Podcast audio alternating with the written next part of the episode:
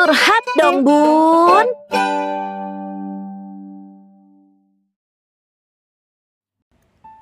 Dear Bunda Saya Zizi. Anak saya sudah tujuh tahun Dan susah sekali dilatih untuk puasa.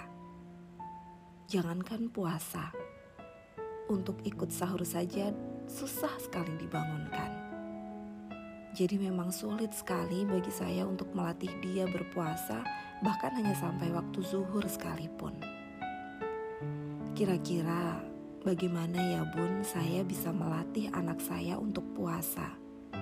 Karena seingat saya, waktu kecil seumuran dia saya sudah bisa puasa full sampai maghrib dan bahkan bisa full sebulan.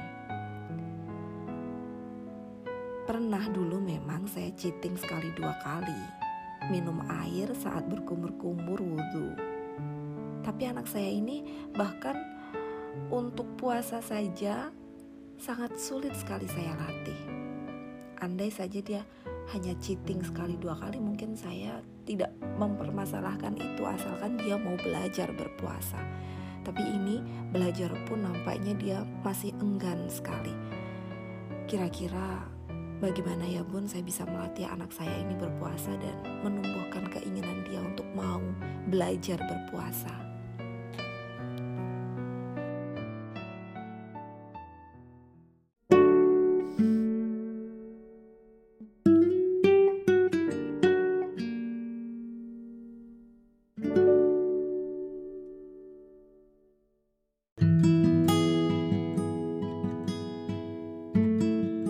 Dear Bunda Zizi, terima kasih ya sudah men, sudah mengirimkan curhatannya tentang putranya yang berusia 7 tahun dan belum mau menjalankan ibadah puasa. Baik, eh, gimana sih solusinya gitu ya? Oke, saya akan mungkin saya kasih tipsnya ya gimana sih caranya supaya anak kira-kira mau gitu ya untuk ikut e, beribadah puasa di bulan Ramadan ini.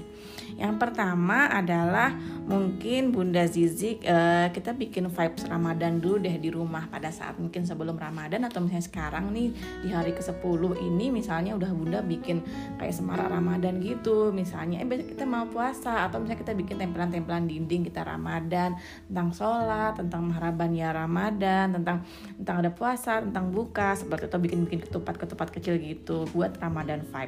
Yang kedua adalah mungkin Bunda Bunda Zizi akan kasih tahu dulu manfaat puasa apa sih nak untuk tubuh kita gitu. Nah, manfaat puasa kita langsung jangan bilang tentang kita harus sehat dan sebagainya. Anak kecil kan lebih lebih suka yang asik-asik ya. Jadi misalnya kita bilang Nah, kita itu puasa kayak kita ngelondri baju loh. Jadi kalau misalnya ngelondri itu kan bersih banget kan jadinya. Nah, jadi pada saat kita nggak makan nih selama misalnya kurang lebih misalnya 10 sampai 12 jam itu kita nggak makan. Nah, kita itu eh, apa lambung, usus dan segala macam organ kita itu beristirahat, dibersihkan dulu gitu dari eh, apa namanya? e, dari makanan-makanan. Nah, itu nanti fungsinya akan membersihkan diri kita agar lebih sehat. Kemudian, nah Bunda juga jadi diceritain ya kalau Bunda membandingkan diri Bunda dengan anaknya. Ada saran saya adalah jangan dibanding-bandingkan dong kita dengan anak kita atau kita atau anak kita dengan anak tetangga. Pasti anaknya nggak suka. Nah, pada saat ini caranya adalah jadi kita bikin Eh, kotak-kotak uh, nih. Misalnya kita bikin bagaimana kita bikin uh, kotak-kotak progres Ramadan gitu ya. Misalnya bikin evaluasi harian ada 29 atau 30 hari di bulan Ramadan ini. Kita tulis nih misalnya hari ini puasanya sampai jam berapa. Itu ditulis. Nah fungsinya adalah evaluasi Ramadan ini biar bisa di tahun berikutnya kita lihat kita evaluasi. Nah tahun kemarin uh, Ananda sudah sampai ini loh uh, puasanya. Misalnya puasa penuhnya udah 10 hari atau 15 hari. Nah Ramadan ini mau ditingkatkan nggak? Jadi kita bisa ngelihat progresnya di setiap Ramadan. Nah kemudian uh, nah jangan dikritik ya. Misalnya jadi misalnya gini uh, saran saya adalah banyak sekali orang tua nih yang waktu Ramadan ini misalnya nggak konsisten. Jadi misalnya makannya misalnya jam 10 lalu kemudian ikut sahur tapi kemudian jam 10 terus kemudian lanjutin lagi terus makan lagi terus jadi nggak konsisten nah sebaiknya saran saya adalah itu tiga hari pertama nih tiga hari pertama itu misalnya bukanya jam 10 jam 10 terus terus kemudian lanjutin lagi sampai sampai azan maghrib dan tiga hari. Nah kemudian tiga hari berikutnya adalah mungkin jam 12 jam 12 misalnya terus. Nah jadi tuh terus meningkat terus meningkat dan konsisten.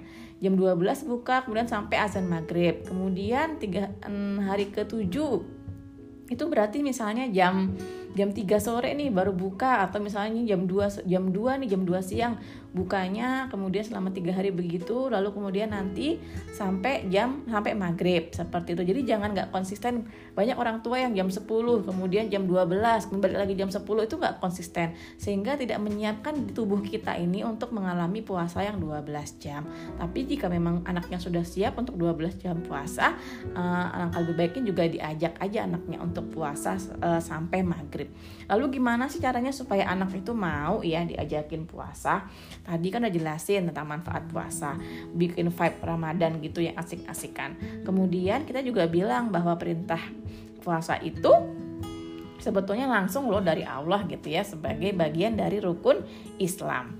Nah kemudian kita juga kita juga ngomongin asik-asik nih tentang Ramadan gitu ya. Nggak kita baca nggak kita bicara tentang surga dan neraka, tapi kita contohnya kayak kita ngajakin liburan anak-anak nih. Kita kan mau liburan sama anak-anak, liburan keluar kota pasti kan ngomongnya asik-asikan gitu.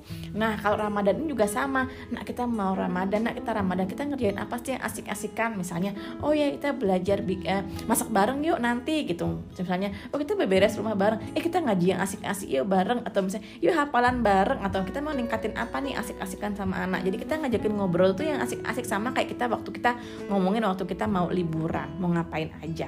Lalu kemudian kalau misalnya anaknya tetap ogah-ogahan nih nggak mau puasa kita tanyain dulu. Nah kira-kira mau puasanya kapan sih kak? Kayak gitu. Misalnya besok yuk kita puasa gitu. Nah kita persiapan nih ya. Misalnya besok tuh mau sahur. Kakak sendiri deh yang pasang alarm. Misalnya pasang alarm jam jam 3 ya kita pasang alarm sama-sama kakak yang pasang. Jangan lupa besok ada soal alarm kakak langsung bangun. Seperti itu. Jadi semalamnya kita jelasin dulu. Kemudian kita juga nyiapin besok tuh sahurnya walaupun tengah malam makan agak ngantuk. Tapi seru kok malam-malam juga kan belum pernah kan misalnya seperti itu atau yang lainnya. Nah setelah pasang alarm kemudian uh, kita bilangin besok kita mau puasa loh seru-seruan. Nanti langsung makan ya atau atau kita tanyain juga besok mau makan pakai apa yang menyenangkan dia dan kita siapkan?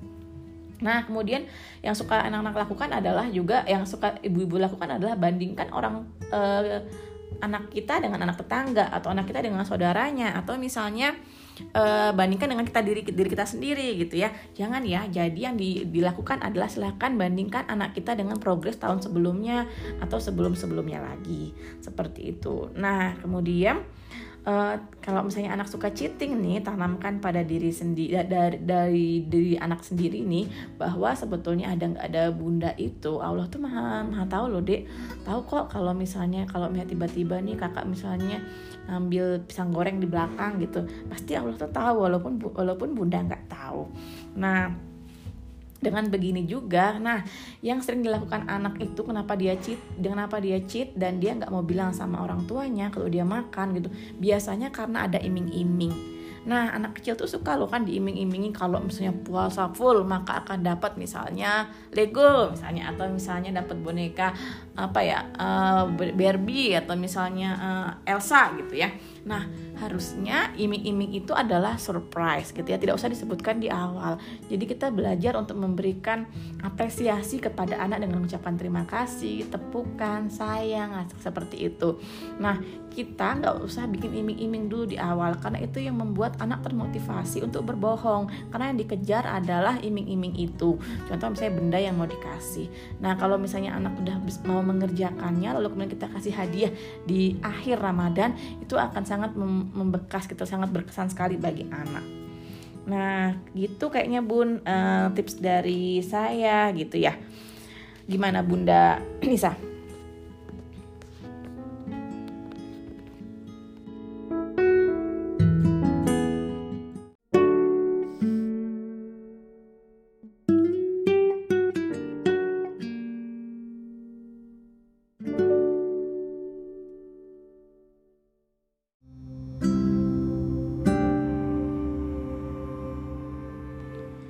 Terima kasih untuk Bunda Citra yang udah ngasih beberapa tips terkait bagaimana kita bisa mengajarkan anak-anak kita berpuasa sejak dini.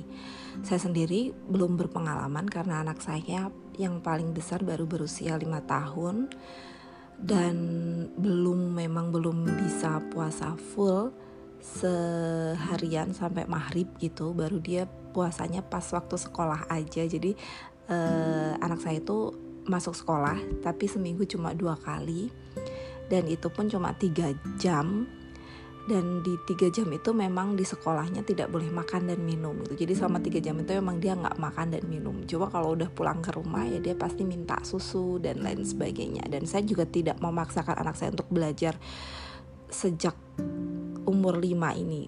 Umur lima ini baru saya kenalkan aja sih pengenalan puasa. Apa itu puasa? Kenapa sih kita harus puasa dan mengkondisikan dia melihat contoh dari orang tuanya, neneknya, budenya bahwa kami semua puasa. Teman-teman di lingkungannya juga puasa karena kebetulan kami hidup di lingkungan pesantren di kampung santri gitu. Jadi memang uh, semuanya puasa, anak-anak kecil juga udah pada puasa full. Mereka lihat teman-teman teman-teman sebaya bukan sebaya teman-teman kakaknya yang umur 7 tahun 8 tahun udah pada puasa full kemudian di tempat ngajinya juga teman-temannya yang lebih gede dari dia udah puasa full jadi dia udah mulai uh, tanya-tanya uh, ma uh, harus puasa ya? Dan baru ada rasa ingin tahu tentang puasa dan saya menjelaskan itu. Cuman mungkin nanti umur 6 atau 7 baru akan latihan lebih serius lagi.